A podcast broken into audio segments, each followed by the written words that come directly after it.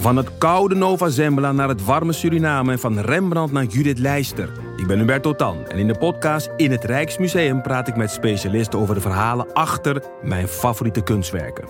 Nieuwsgierig? Beluister nu de nieuwe afleveringen. Luister jij al naar de podcast Co en Zo? Ik ben Rick Paul van Mulligen. Ik ben Nina de Lacroix. En samen met jouw man René voeden wij twee kinderen op in twee huizen. Co-ouderschap. We hebben het over alles wat je daarin tegenkomt.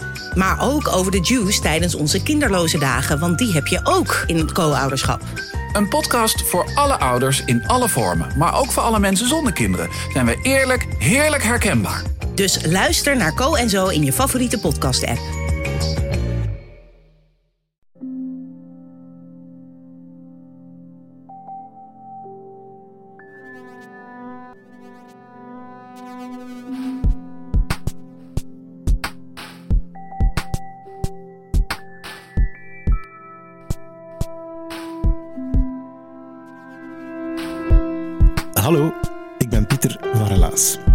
Hoor je waar gebeurde verhalen en die worden verteld door de mensen die ze zelf hebben meegemaakt.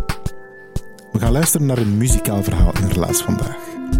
Christine die heeft een fascinatie voor zingen, maar die wou dat liever niet alleen doen. En hoe vind je dan mensen om samen mee aan de slag te gaan? Juist, ja, je neemt het heft in eigen.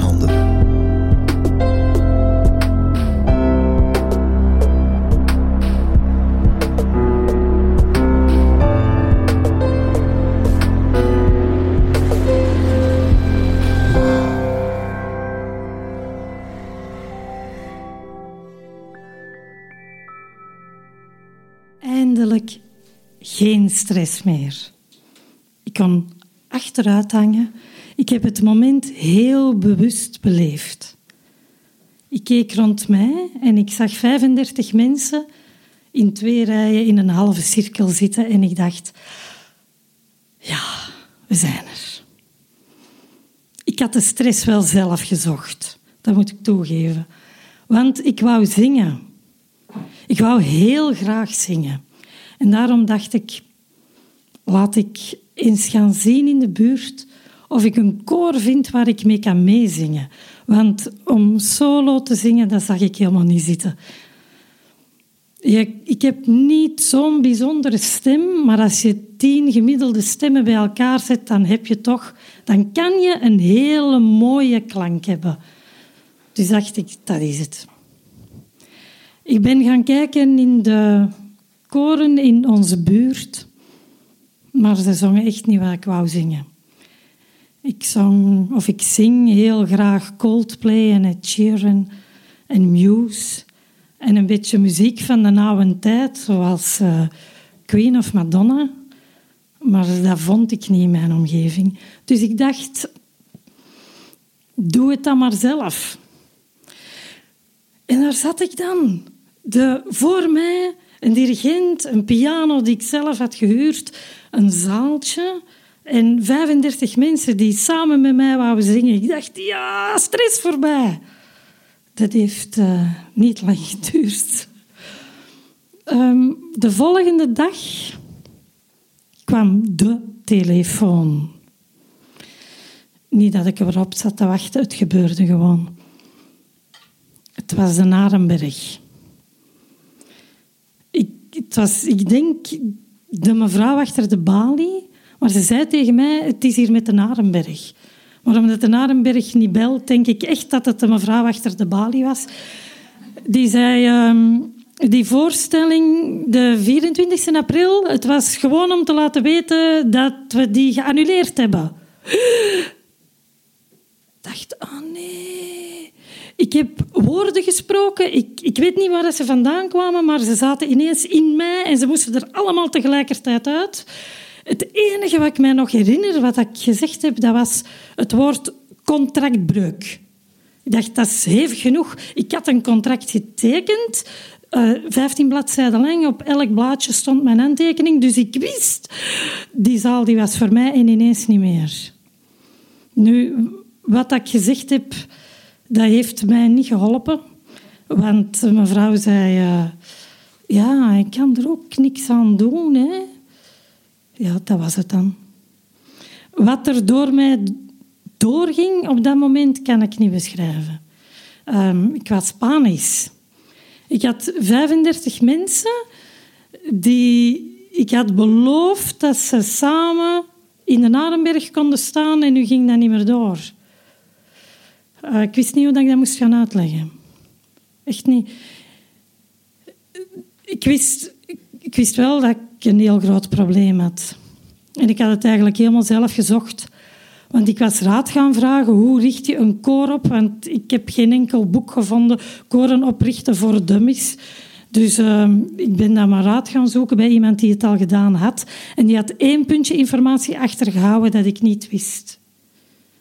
Nu, die man, dat was een Nederlander, die had het pas gedaan. En ik heb die helemaal nageaapt. Alles wat hij gedaan heeft, heb ik ook gedaan. Hij had een huishoudelijk reglement. Dat heb ik letterlijk overgenomen. Daar stond in... Uh, koorleden moeten zich gedragen volgens de uh, normale gedragsnormen. Ik denk, ja, kijk goed, kijk. En ook positief ingesteld zijn als er iets misloopt of als er iets anders loopt dan gepland. Ja, ja, kijk goed punt. En er wordt een lied gezongen bij de jarigen. Ja, allemaal keigoed. Dan had hem ook statuten. Ehm, ik verstond er niks van. Het waren Nederlandstalige woorden, dat wel. Maar die zinnen... Ik denk, ja, ik neem het gewoon over, het zou wel goed zijn. Achteraf is gebleken dat het goed was. Maar ja, dat wist ik op dat moment niet, want deed gewoon na. En hij zei tegen mij, huur een grote zaal. En als je een grote zaal hebt, dan willen de mensen met jou meekomen zingen in die grote zaal. Zet er wat violen bij. Tien violen, dat is mooi. Een vleugelpiano en... Ehm, er is een productie die kan je kopen en dan krijg je alle partituren. Dan moet je geen zorgen maken. Ja, was een strak plan. Maar wat hij niet gezegd had, dat was uh, dat hij in de organisatie zat van die grote zaal in zijn stad. In het theater. En het theater richtte het koor op. Dus het was eigenlijk een theaterkoor. Maar ze noemden het geen theaterkoor, want anders had ik het geweten. Ze noemden het gewoon popkoor. Dus ja, dat gaf het niet weg natuurlijk. En daar zat het zwakke punt, want ik had geen theater. Nu, ik was dit allemaal aan het overdenken, hoe dom dat ik wel geweest was. En toen ging de telefoon terug. Het was ongeveer een kwartier later. Ik was ondertussen niet gekalmeerd. Ik heb uh, geijspeerd, over en weer gelopen. Het haar op mijn rug stond recht overeind. Uh, maar ik had dus terug de Narenberg aan de lijn. Uh, het was om te zeggen dat de directeur u graag wil spreken en ik zal u even doorverbinden. Het zit zo, hij was eigenlijk al naar huis vertrokken.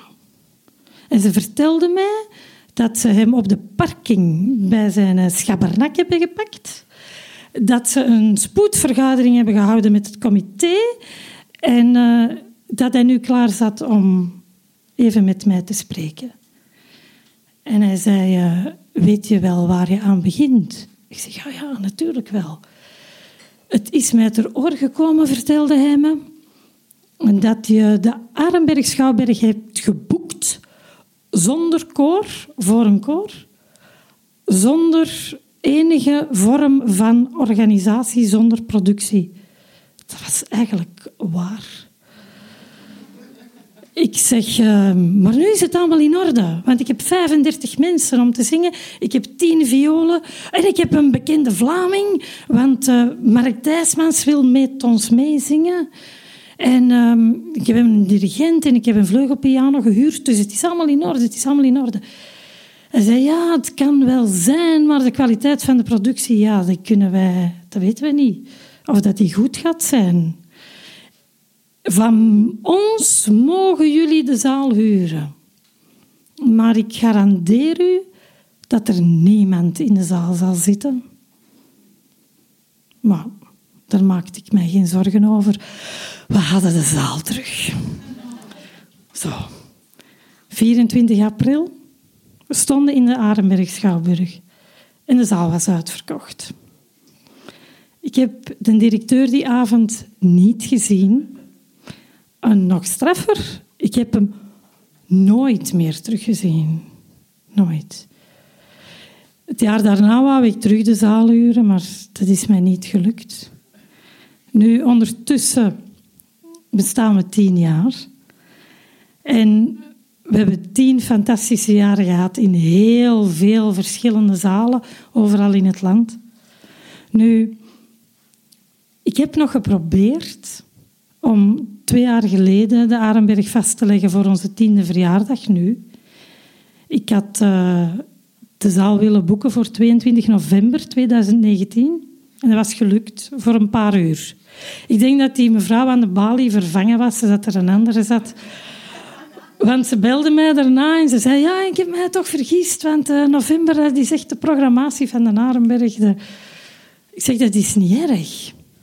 Zeg, plaatst ons dan in mei of in juni? Nee, ga niet, ga niet. Zeg, misschien in juli 2020? Is dat niet nog eh, de zaal vrij voor een zaterdag, voor onze verjaardag? Nee. Nee, de zaal was niet vrij. Maar toen is er iets uit de hemel gevallen. De World Choir Games. Dat is de grootste koorwedstrijd ter wereld. En die wordt georganiseerd in Antwerpen dit jaar. En wij doen mee. We hebben ons ingeschreven. We mogen meedoen. We gaan tussen de grootste koren ter wereld staan. We hebben niet de ambitie om ons te meten aan die koren, maar het is voor het plezier. We gaan daar heel veel plezier beleven. En nu kunnen we met onze verjaardag in het Sportpaleis staan. Ons koor hebben we Ioka genoemd, want Ioka betekent lach. En meer moet dat niet zijn.